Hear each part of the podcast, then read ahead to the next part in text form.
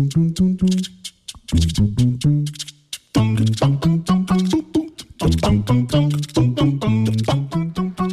molt bona tarda, amics i amigues, i benvinguts a una nova edició de, del programa Entre Tots. Un programa que fem la gent d'Entre Tots, una associació que treballa per i... Treballa per o treballa des de... És igual, que treballa. I per què? Doncs per eh, posar sobre la taula els temes relacionats en el món de la discapacitat. I avui tenim un, eh, un programa força especial. Tenim moltes coses a celebrar. Primera, tornem als estudis de Ripollet Ràdio. I això és un motiu d'alegria. Per tant, el primer que faré amb permís de l'audiència és saludar a Jordi Puy, el tècnic, que el tenim aquí, doncs, eh, la mar de content i feliç. Eh, diu que només ho fa per diners, i és veritat. Però abans de, de saludar també a la gent que ens escolta de Ripollet i als col·laboradors que tenim a l'estudi, deixeu-me que també saludi, com no, a la gent de Barberà que ens segueix a través de Ràdio Barberà. Ai, dos pobles germans. Bueno, i ara sí, ara toca les presentacions de rigor i comencem, com sempre, amb un respectuós genoflexión a la nostra mai ben ponderada presidenta Carme Garrido. Molt bona tarda. Molt bona tarda a tothom, encantada de tornar als estudis de Ripollet Ràdio. Eh, que, I és, records, és, eh? és fantàstic. Sembla com si fos ahir. I tant, i tant. Molt bé. El que també tenim a, a l'estudi és el, el Toni Puparelli. Toni, molt, molt bona tarda. Molt bona tarda. Què tal?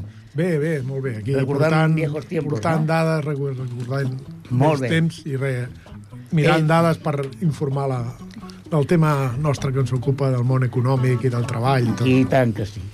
S'incorporarà dintre d'una miqueta una companya, Cristina Arroyo, que la pobra està tractant de buscar aparcament. I, però bueno, són gajes de la modernitat. Però està a punt d'arribar. Eh, diu que ja està arribant, que ja està que estan con les mayorets, no? Eh, Donant la benvinguda. doncs, eh, doncs bé, ara aquí la, la tindrem d'aquí una estona. Doncs, si us sembla, Rafa, i fem el sumari.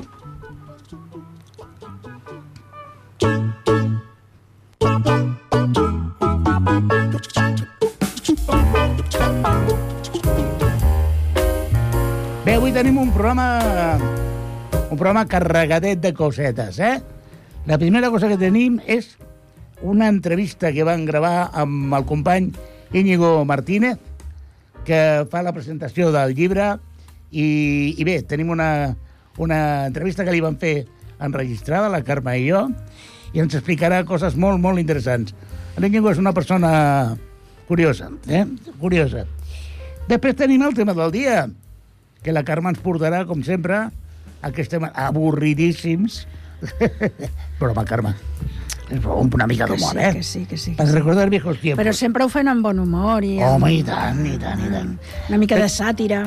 Exacte. Després parlarem a, amb una gent que ha muntat una història curiosa que es diu Ginder Club i li farem una petita entrevista i que ens expliquin què fan i per què. El Toni Puparelli ens portarà temes laborals, que és temes, un tema interessant.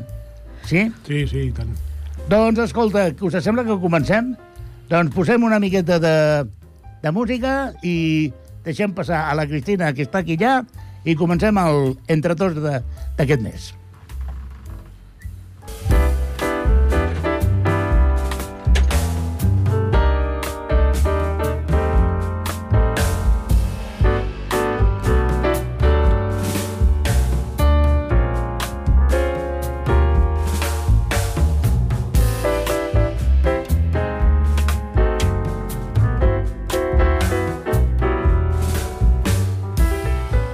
Bé, doncs ja tenim aquí a la, amb la Cristina, que, clar, ella acostumada que la porti la limusina, doncs no té cap problema. Cristina, Hola, bona tarda, què tal? benvinguda! Que horror! Ah, amiga, amiga, què pensaves? Que horror! Això del cotxe va superbé per algunes coses, però per altres, Sí, un sí. xòfer m'aniria força bé.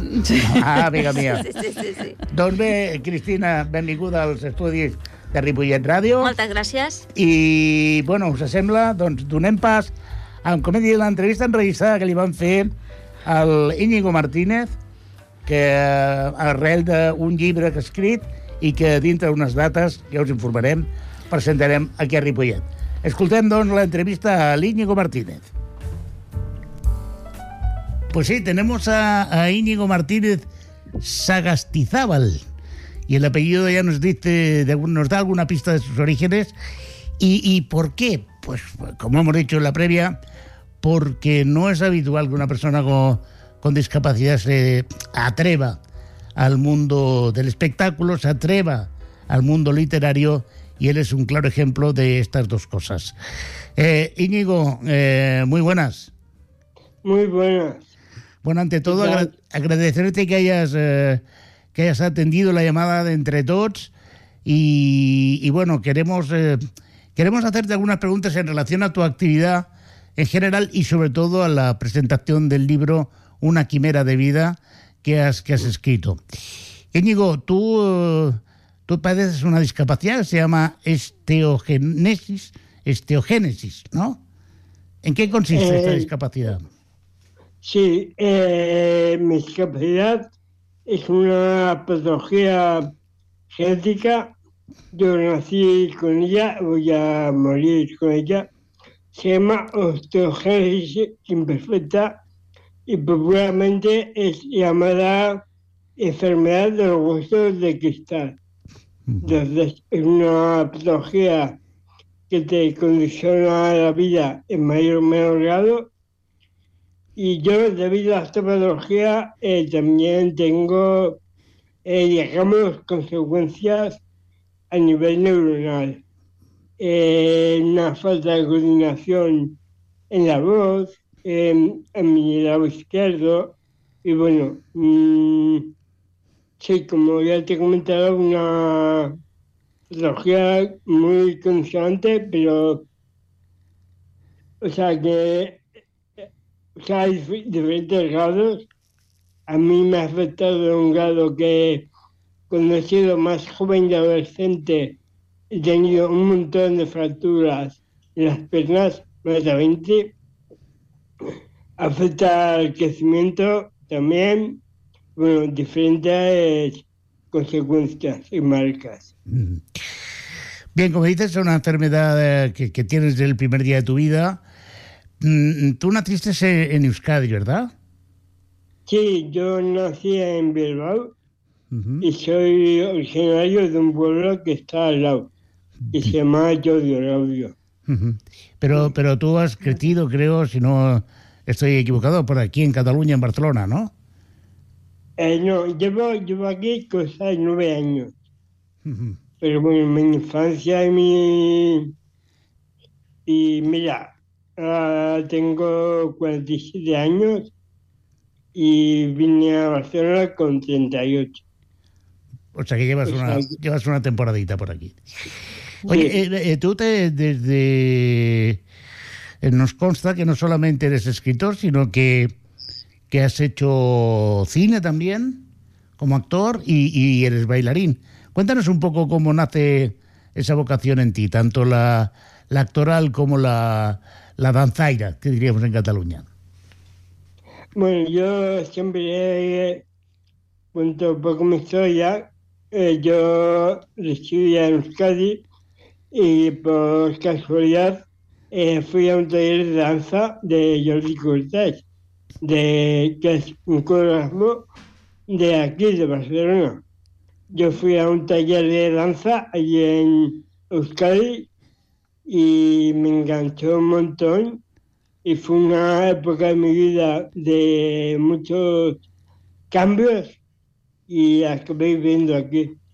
Cuando viví aquí eh, me dediqué a profundizar en la danza con personas con discapacidad o movilidad reducida, que era un ámbito que yo desconocía totalmente y mí fue una revolución a nivel interior y exterior.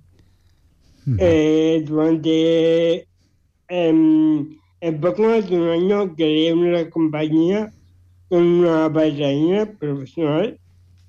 Ella no tenía discapacidad y bueno, con ella estuve, realmente estuve dos años de muchos muchos viajes, muchos certámenes muy, muy, muy, o sea, muy buen tiempo. Luego también he estado con Jordi Cortés, de la compañía Llana La Troca, bailando.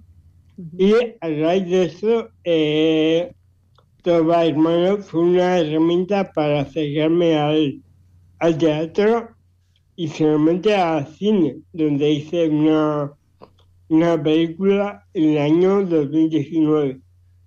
Y bueno, el año pasado hice otra que está pendiente de estrenar. Muy bien. Ah, muy bien. O sea que te dedicas, eh, te dedicas eh, o te dedicarás o te gusta el mundo del, eh, del espectáculo en general. Y llega un momento, eh, Íñigo, en que decides eh, escribir el libro. Porque ¿Una quimera de vida es tu primera obra o has escrito antes alguna otra cosa? Eh, yo era, una persona, bueno, soy una persona que le gusta mucho escribir igual más en redes sociales desde, desde, bueno, desde un prisma diverso y contar un poco mi verdad, pero no desde el dolor, sino de, de la belleza, ¿no? Y en 2020 se paró el mundo. Por la pandemia. Entonces, como se paró el mundo, eh, fue un momento personal de reflexión y cuando en vez de escribir en redes, me pensé, voy a hacer un poco de, de memoria y voy a escribir un poco mis sensaciones de la infancia. Y bueno, me lo empecé a caer, me empecé a atrever, como dices tú, me atreví, me atreví, me atreví y dije, wow, esto va para adelante. Y dije, bueno, voy a ver hasta dónde llego. Y le fui dando forma y dije, bueno, mmm, lo enseñé a varias personas y les gustó un montón. Y eso pues me hizo, me dio una cierta seguridad para creerme yo mismo que podía, dentro del libro, podía ver algo interesante para la gente. Hay una frase, eh, Íñigo, que eh, mirando un poquito, repasando un poquito tu biografía, hay una frase tuya que, que te la compro, te la compro porque liga mucho con la manera que tenemos eh, de pensar. Carmen, ahora te dejaré que preguntes, ¿eh? no te preocupes. Sí, sí, sí, tranquilo. Pero estoy tranquilo, aquí adelante. animado, además a mí el mundo de la sí, entrevista, sí, sí, sí, sabes sí, que me encanta. Hay una frase tuya que me encanta que dice, vivir con discapacidad no nos hace héroes ni pobrecitos. Es una lucha y tenemos muchas barreras que superar. Eso es muy, eso es muy cierto, ¿no? Porque hay una tendencia en, eh, en hacernos dioses o hacernos eh, miserables. Es decir, y entonces es, es, realmente una reivindicación que compartimos. Eh, yo creo que no hace falta explicar el contenido de lo que dices, pero bueno, amplía un poquito todo esto, eh, porque tú aparte de, de tu vida profesional eres eh, también una persona muy activa y reivindicativa, ¿no? Sí, eh, bueno, yo siempre digo que realizo un poco mi activismo disca desde un poco de arte, ¿no? Desde la visualización de, pues de que realmente eh, estamos aquí, estamos aquí no para quitar el sitio a nadie, pero estamos aquí porque nos merecemos estar aquí y no somos gente que hace 40 años o 30 se trataba desde un punto de vista caritativo de pobrecito, como sufre, vaya drama, vaya drama de vida, ni somos héroes que van a Paralimpiadas, que también hay gente que va a Paralimpiadas, pero la inmensa mayoría somos personas que tienen unas necesidades que exigimos que el sistema de sociedad nos las otorgue porque son derechos al fin y al cabo, ¿no? Uh -huh. eh, y a, a, a, veces realmente si eres, eres un poco héroe, saliendo de la jungla que es la ciudad. Sí que es un poco aburrida. Pero, pero mm, a mí no me gusta que me traten de héroe por ningún motivo. O sea, ni de héroe ni de porcito. Ni que me trate con condescendencia ni paternalismo, sino que se acerque la gente a, a mí y a las personas con diversidad funcional o discapacidad desde la naturalidad, ¿no? Mm, Hablar, preguntar, tocar y ya está. Y no comido a rompernos ni a vanagloriarnos, ¿no? Ujú. Bueno, eh, eh, Carmen, no sé si Sí. quieres hacer alguna pregunta. Yo antes de, de pasarle la palabra a Carmen que te haga ya el interrogatorio, eh, eh, comentábamos eh, mm, antes de empezar el programa de hoy, y es que eh, la, la- la lucha o la imagen que ofrecéis, el, el grupo en el que estás tú ahora, del Día en la Troca, si no me equivoco con el nombre, aportan una, una visión también, una, una arista, una perspectiva, un paradigma del mundo de la discapacidad un poco desconocido, ¿no? Que es como una persona con discapacidad es capaz de ofrecer un espectáculo completamente transgresor, un espectáculo provocador, pero a la vez con un componente estético desde el punto de vista eh, cultural tremendo, ¿no? Y, y nos parece una, una gran aportación el hecho de romper esa barrera también que es la artística o la, o la contemporánea eh, de personas que, que tienen una manifestación artística completamente diferente. Y desde aquí, pues, eh, que por cierto, como última pregunta que te hago yo, eh, Íñigo, el tema de, se habla mucho de la accesibilidad del teatro, pensando siempre en el espectador. Pero yo que también eh, durante unos años de mi vida fui músico y ahora de vez en cuando hago de cómico, eh, hay que pensar también en, la accesibilidad del teatro, pero del escenario, porque las personas con movilidad reducida y con discapacidad también podemos subir al escenario. ¿Os habéis encontrado vosotros con ese problema en alguna actuación? Eh, sí, yo siendo bailando me he encontrado con escenarios que me tengo que levantar y me tengo que subir, actuar en sitios altos donde, bueno, eso necesitaba ayuda y no eran accesibles. Es un temazo.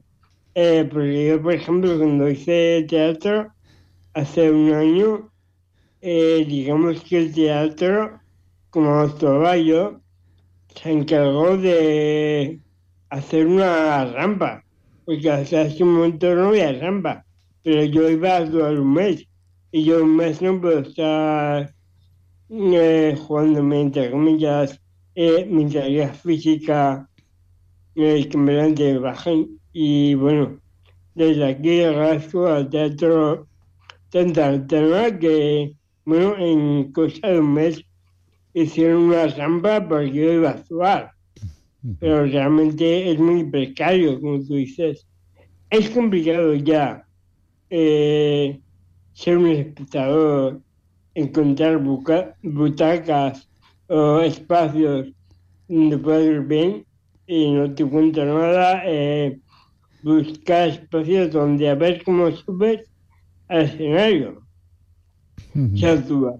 Una rampa de con buen porcentaje de inclinación, elevador. Bueno, yo mira, actué, actué la en un día en, en un pueblo, en un pueblo aquí de Cataluña, que tenía un centro cívico recién es- estrenado y subía al escenario en ascensor. Había un ascensor que me subía. En Villas de Riel. Villas de puede ser. Creo que sí. No lo sé. no. Y me subía en un ascensor. Ajá. Todo tuyo, Carmen. Sí, no, no, es, es interesante todo lo que todo lo que comenta. Yo como como como profesional de, de las emociones eh, valoro muchísimo, como te comentaba Alberto, el, el, el valor de, de abrir tu corazón, tu alma y exponer en, en un libro, explicar tu tu propia experiencia, ¿no? Esa, ese volver al, al principio, a, como tú decías antes, a, a desde la infancia y, y, abrir ahí el libro de tu vida y explicar tus experiencias y cómo has crecido en todos los sentidos, ¿no? Eso no, no es fácil y, y es de, de mucho, de, de, agradecértelo mucho, ¿no? Porque, eh, bueno, como yo estoy muy de acuerdo contigo que no somos héroes ni, ni tampoco pobrecitos, el, paternal, el paternalismo y el infantilismo que tanto se ha utilizado y se sigue utilizando muchas veces con nosotros, las personas con discapacidad, no, no ayuda, más bien al contrario. Entonces hay que yo tu, tu, trabajo, no solamente el libro, sino tu trabajo y tu vida es un ejemplo más de que, bueno, de que es una demostración más de lo que hacemos cada día, ¿no? Que somos personas y que si queremos hacer teatro, hacemos teatro y si queremos escribir un libro, pues es proponértelo, romper el tabú de hablar de ti mismo, que es lo que muchas veces nos, nos cuesta más y y lanzarnos a la piscina, ¿no? Y, y, bueno, ¿te costó mucho romper ese tabú y lanzarte? ¿O con esa, tú, tú has comentado que, que lo hiciste en, en, en, la pandemia, en, esa, en ese recogimiento, que tampoco teníamos muchas cosas y nos teníamos que, que buscar entretenimientos. ¿Te costó mucho en, empezar a, a, escribir? Eh, a mí eh, me costó un poco eh, tener una disciplina de escribir un poquito cada día uh -huh. y darle un poquito de forma, que es lo que me falta porque realmente no me considero un escritor al 100%, ¿no? Uh -huh. eh, claro, como se paró un poco el mundo, entre comillas, encontré ese momento de decir, bueno, es, es la hora. Y la fui, la fui pues, escribiendo y, y dando. Pero ahora, por ejemplo, eh, quiero seguir escribiendo, solamente he escrito un poquito, pero me falta un poco de disciplina y de vaciar realmente de emociones, ¿no? Porque yo enseguida soy una persona que, que tiene la cabeza ocupada, ¿no? Y es como vaciar un poco la cabeza y centrarte en escribir. Y realmente luego escribiendo he disfrutado un montón porque es un viaje personal. Porque yo escribo desde, desde, desde, lo que sé. Como mmm, al final tengo una experiencia vital que es la que es y eso lo quiero transmitir. Y como uh -huh. sé que es una experiencia vital poco común, digamos, pues, pues me parece interesante que la gente lo sepa, ¿no? Me parecía interesante porque sé que en, en, nuestro colectivo sé que hay gente que seguramente eh, eh, escribiría historias que, que a más de uno y, y están silenciadas, ¿no? Que a mí ser un poquito, un poquito voz, un poquito referente de, de ese colectivo, pues algo que me, me, me enorgullece. Y tanto, y tanto. Yo sé que, que, bueno, en ese crecimiento que tú, que tú uh, estás haciendo y, y, que sigues escribiendo y sigues eh, participando en, con, con, los compañeros de, de Lian La Troca, etcétera, eh, me consta que también con, eh, participas con el grupo de compañeros y con la asociación eh, Tandem Barcelona, ¿no? Sí, soy también forma parte de la junta directiva de Tandem Team. Ajá, Como formas parte de la junta directiva. Ah, muy bien. Sí. Perfecto. Y bueno, hay es un colectivo, una asociación, uh -huh. para que todo el mundo sepa que trata mucho la sexualidad de la sí. gente con diversidad funcional, uh -huh. que es otro temazo, Exacto. otro melón, como dicen. Sí, sí. Y bueno, acerca un poco la sexualidad, la visibiliza, la, la pone en, en, boca de todos, uh -huh. da un poquito herramientas, conocimientos para que las personas con diversidad puedan acercarse, conocer su propia sexualidad o otorgar un poco de herramientas, ¿no? Para poder acercarse. Es muy interesante avanzar en ese sentido y alzar la voz y darle visibilidad a todos los aspectos y las relaciones y la sexualidad también forma parte de las personas y de las y de las relaciones. Como ves, Alberto y oyentes, eh, Íñigo es polifacético. Eh, yo creo que lo tendremos que invitar más veces para, para seguir hablando de este tema. Para los que no conozcan, Tandem Barcelona es una asociación a nivel de Cataluña que Tandem trata la... Team. ¿Perdón? Tandem Team. Tan- Tandem Team, Tandem Team, Sí. lo decía mal, eh, correcto. Y, y trata y trabajan los temas de la sexualidad y las relaciones eh, con personas con, con discapacidad y, y la realidad nuestra con la, con la que convivimos. Por lo tanto, bueno, a Íñigo lo tendremos mm, próximamente en unos días aquí en Ripollet Exacto. presentando este libro. Os daremos eh, fecha y, y hora y lugar y para que lo pongamos, lo te- podamos tener presencialmente, podremos comprar el libro y eh, escucharlo más externamente, eh, extensamente, porque bueno, tiene muchas cosas que contar Íñigo, ¿verdad, Alberto? Sí, ya lo creo y además eh, seguro que volveremos a ponernos en contacto con él para que para hablar del tema del tandem team, que- encantadísimo yo. el del tandem team y de cualquier otro tema porque eh, entre tots es un programa abierto a opiniones y a puntos de vista. Perdón, es que esto de cantar ópera no me va muy bien últimamente. y por supuesto que hablaremos de, del tema de la sexualidad, del tema, bueno, todo, cualquier tema puede ser interesante. Íñigo, muchísimas gracias por haber atendido la llamada de Entre Tots y te amenazamos con eh, contar contigo para abordar cualquier otro tema. Y ni que decir tiene que si hay algún aspecto que quieras abordar en un futuro, solo tienes que decírnoslo y micrófonos abiertos para, para escucharte y para que puedas dar eh, tu opinión. Como decía Carmen, en, en los próximos días os informaremos de la presentación del libro Una quimera de vida de Íñigo Martínez Sagastizábal, que hoy ha tenido la osadía de podernos atender. Íñigo, muchísimas gracias. Eh, gracias a vosotros por invitarme, por vuestro trabajo y bueno, como tú comentas, nos vemos en, en Ripollet dentro de poco, que allí eh, hablaremos, comentaremos, compartiremos lo que haga falta. Yo encantado. Sí, señor. Bueno, pues Muchísimas gracias. Vaya, eh, de, abandonamos a Íñigo Martínez, le dejamos descansar, que déu nhi i nosaltres continuem aquí, en Entre Tots.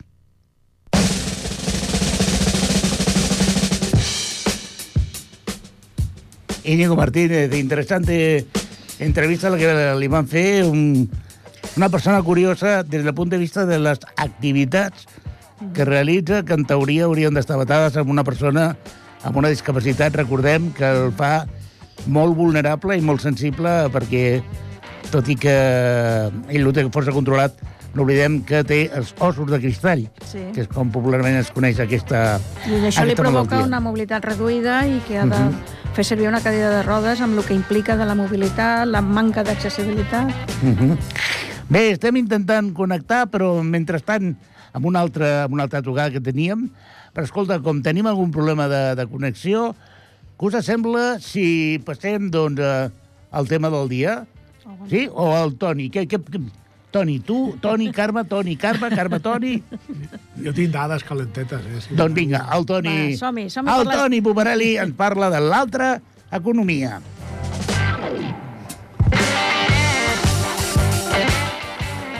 Hola, de nou aquí per parlar-vos una mica, com sempre, de les dades i d'informació del món del treball, del món econòmic. En aquest cas és una actualització de les dades sobre l'ocupabilitat i, la, i els aturats i de més en el món de la, de la discapacitat, que és una diferència abismal en el món de les persones sense discapacitat, però està bé que anem confrontant en paral·lel i sobretot amb el temps, l'evolució que hem tingut. Una bona notícia que podem donar, estem parlant del 2022, però bueno, el 23 va ser continuïtat bastant, per exemple, que hi, hi ha en aquests moments 538.000 persones ocupades, persones amb discapacitat, segons l'INE. És el màxim registrat. La sèrie va començar el 2014. Les dades són, són realment esperançadores. Ja, I a part ha augmentat en el, en el darrer any, ha augmentat un 4%. Ha augmentat en 20.000 persones més. Tenim 20.000 persones més amb discapacitat que estan ocupades i de més. El número d'aturats també ha baixat d'un 2,5%. De... I els inactius també ha baixat un 0,4% respecte, estem parlant comparant 21, 2021 amb 2022. O sigui, són petites dades de millora, no són espectaculars, però sí que són passes positives. Totes les, les dades són positives. Hi ha més empleabilitat, hi ha més d'això. També comparat, d'acord que comparant-lo amb, el, amb les altres, tenim una ocupabilitat del 20, o sigui, persones amb discapacitat ocupades del 28%, enfront del 68 de persones sense discapacitat. D'acord que la diferència és molt abismal, però anem millorant, que això és l'important i que sempre hi ha coses positives. Una altra dada important és que arrel del canvi de la, de la llei de, de la llei del mercat laboral, el, les persones eh, de, de, o sigui, de treball fixe han augmentat també una bona, una bona proporció. Això vol dir que, que també és important que la, ens beneficiem les persones amb discapacitat de les millores generals que es fan. Això vol dir que estem formant part activa de les de l'activitat de la, del treball, això vol dir que estem integrant-se mica en mica més en el, en el món, en el món de, del treball. No? El tema d'ocupats, faré una mica d'estadística, consten estadísticament 1.900.000 persones amb discapacitat, de les quals hi han 539.000, que és un 28%, de persones treballant hi ha 146.000 persones aturades, que és un 21,4% de les persones que podrien considerar disponibles al mercat laboral, o sigui, equiparant a, les, a la mateixa estadística que les persones sense discapacitat. Ara bé, la, el número d'aturats, el percentatge d'un 21%, eh, comparat amb, els, amb el 13% que hi ha de persones a discapacitat, encara estem pràcticament doblant la xifra de, de, de xifra. Després també el tema d'activitat d'homes i dones, eh, on t'ho tinc? Ah, perdó. Eh, Has de buscar un, un company, Toni, o Has companya, de buscar un company o que et companya. faci les dades... Home, d'un i dos, són Continua, ja sortirà, tranquil, Sí, la, continua. la, sí, sí. el paro, l'atur de dones uh -huh. és, eh, és un, una mica inferior, curiosament, al, al del d'homes, sí. d'un 20 20,7% de dones i un 21,9% d'homes. O sigui, sembla que hi ha una mica més d'empleabilitat en, el, en el cas de, de les dones que els homes. Això és el que Però, en canvi, la tassa d'activitat, que seria el percentatge de persones capaços, eh, disponibles per entrar al mercat laboral, és al revés. A les dones és un, eh, un 34% i els homes un 36%. O sigui, això vol dir que també es compensa una altra, però, però la dada és que les dones estan més integrades laboralment, potser per les feines que poden fer, potser per... Una altra dada que, que també porto és el- l'ocupació per sectors, no? Bàsicament, el 81% de les persones amb discapacitat treballen al sector serveis, enfront d'un 76 de persones sense discapacitat. O sigui, vol dir que lògicament està més concentrat. Per tipus de, de discapacitat, que això també és important, és Sí. una dada que també reflecteix, les persones amb problemes auditius, i problemes de sur sordera i de més, eh, ocupen eh, tenen un 61% d'activitat i un 53% d'empleo. Les persones declarades amb discapacitat tenen una tassa d'activitat, o sigui, una, una ocupació i ocupabilitat segurament eh, a dades de treballs de, només de veu i de més, pues, poden, o de, o de, de despatx, poden fer més. Les pitjors xifres són les persones amb discapacitat mental. Només hi ha un pleo al 18,9%, però bueno, també ha millorat una mica. O sigui, això també són estigmatitzacions d'alguns sectors. També. Una de les dades que no és dada, però sí que és sensació, és la dificultat davant d'una entrevista. Correcte. Una persona amb discapacitat, de seguida, o sigui, no està preparades les empreses o la, els empleadors, i que sigui, per entendre que una persona amb discapacitat pot desenvolupar activitats i que el que es tracta és també de que l'empresa o l'empleador també faciliti, faciliti o adapti una mica els seus processos, els seus això. Es queden bloquejats eh, i amb un estigma i, i llavors moltes vegades es refusa perquè oh, és que ara tindré que posar una màquina, tindré que donar... Precisament això li pot ajudar a millorar les empreses. I això és on està encara una barrera de, de coneixement, de formació i d'educació, que, que és important. No, i a més existeix encara la, a les empreses per descomptat i a la societat també la creença que una persona amb discapacitat és una persona malalta i a ningú li agrada contractar algú malalt. Vull dir, fins i tot hi ha empreses que posen en, en judici a, a les dones a nedar fèrtil perquè consideraran que tard o d'hora hauran de mantenir una dona com a mínim un parell d'anyets de baixa entre la maternitat i l'embaràs, no? Per tant, eh, jo crec que, que hauríem de començar a treballar, eh, els que estem implicats en aquest món, a treballar la diferència entre discapacitat i malaltia. Sí, sí, clar. Perquè No, jo tinc part- una discapacitat però no estic malalt. I a part, les persones amb discapacitat normalment són, estan molt més disposades Molt més a fer... implicades, a molt més implicades. implicades en l'empresa i que normalment són molt fidels a la, a la, a la Correcte. feina al de més. O sigui, això també és algo que potser ho hem de posar en valor. Ja, però és que jo tinc la sensació de que sempre hem de demostrar alguna cosa. Sí, sí. Sí, tenim un plus. Correcte. És com la dona en correcte, general, no? Correcte. No només has de ser honesta, sinó demostrar-ho, no? Que Correcte. deia la Sem- Sembla la- ser que nosaltres sempre hem de, de demostrar que si hem, hem pogut accedir a un, a un lloc de treball, doncs que independentment de la discapacitat hem de demostrar la persona, les nostres capacitats o el que, el que, el que valem no? per, a, per un lloc de feina, eh, sigui el que sigui. Al final la discapacitat és una i les capacitats són Correcte. moltes. I el que tu tinguis una discapacitat no vol dir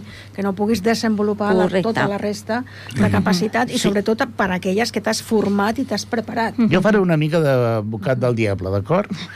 és a dir, jo és que... Eh, eh, mm, és que clar que tenim capacitats, és que no cal, no cal demostrar-ho, és a dir, de la mateixa manera que la dona Però no ens hauria ho de... qüestiona la societat. Sí, clar, I a però nivell de- empresarial encara més. Sí, però de la mateixa manera que la dona no té per què demostrar que té eh, potencial per fer coses, per la fet de ser dona, jo crec que nosaltres hem de començar a elaborar també aquest discurs.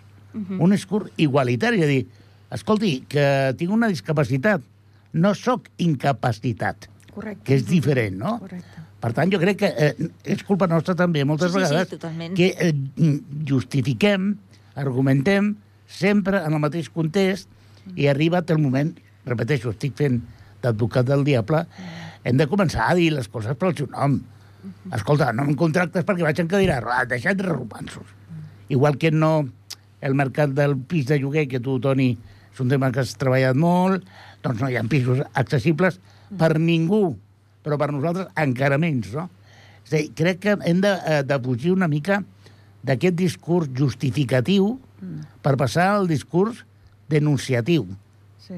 M'enteneu? I, I trencar barreres en el sentit de que sempre, majoritàriament, i sobretot a nivell laboral, es veu la persona amb discapacitat com que necessita un suport, una supervisió, eh, que, no, que no pot ser autònom. A veure, la discapacitat és molt diversa. I que hi ha un grup de companys que necessiten, sobretot quan parlem de discapacitat eh, psíquica, salut mental, que necessiten potser una supervisió, un suport, doncs és possible, però no el 100% de la persona amb discapacitat. La persona amb discapacitat física Mhm. o orgànica no necessita cap supervisió, com a molt, eh, que, que la, el lavabo de l'empresa sigui accessible, que el, el despatx o l'espai on desenvolupem la nostra tasca sigui també accessible. A partir d'aquí som autònoms completament per la nostra tasca. Vull dir, és que tots els que estem a la taula eh, som, hem estat professionalment actius i, i és així. I aquest, aquestes barreres, aquest abús, són les que d'alguna manera hem de continuar aixecant la veu i dir, escolta, prou, prou barreres.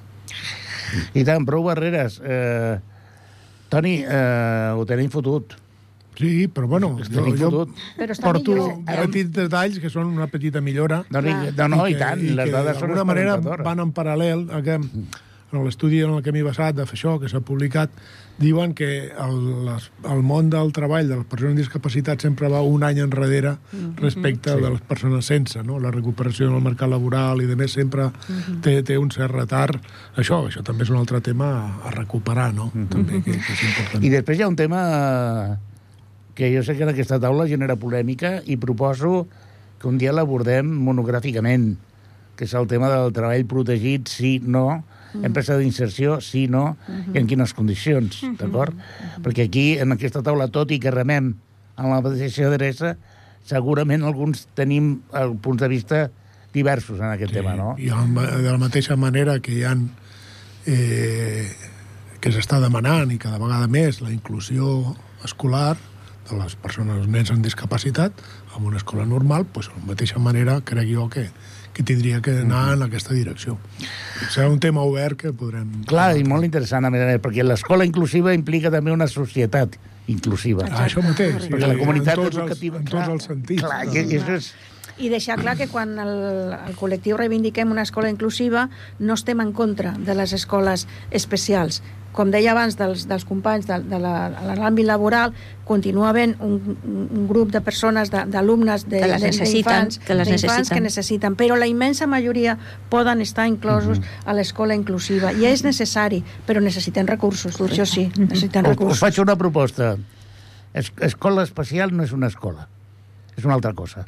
És un servei necessari per a uns nens que tenen unes necessitats específiques que res Molt tenen a específiques. amb una educació, Molt o amb una escola. I però res impedeix que almenys unes hores a la setmana Sí. vagin a una escola normal. Efectivament, és a dir, eh, quan parlem escola, d'escola especial... Encara que només sigui per la visibilització. Clar. No, no, per I el- descomptat. I la perquè un nen- sociabilització. Un nen Ah. que no veu a, a, a cap nen discapa, amb discapacitat, quan el vegi, per ell serà un extraterrestre. Però a la inversa, però a la inversa canvi, també, sí. eh? Clar, a la inversa també, Sí, sí, perquè, també és necessari que els nens i nenes que no tenen cap tipus de, de discapacitat també... Sí, sí, en aquesta eh, refereixo. inclusió. Sí, sí. Correcte. És que, clar, les escoles haurien de demanar persones amb diverses discapacitats per fer una veritable treball de socialització. Clar. De la mateixa que demanen contenidors de, per fer eh, eh, reciclatge. Correcte. Escolta, necessito un tio que no vegi, una tia sorda, un tio, un paio en cadira de rodes i una persona Mai amb m'havien mai no? comparat amb un contenidor, eh? Però, bueno, ja està Ui, bé, ja ui, està bé. quina sensibilitat. Escolta, ens queda poca, poca estona i molt tema encara. Fem un glopet de ràfaga musical, res, dos segons, i eh, ens passem al tema del dia.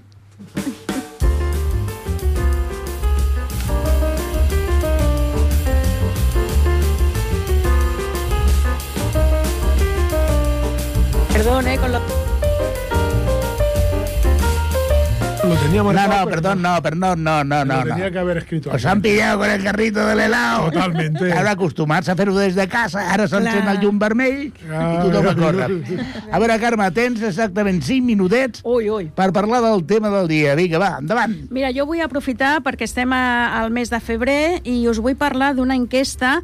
Com sabeu, gairebé em deia sempre fiques cullerada, però és que és així, ho sento, eh?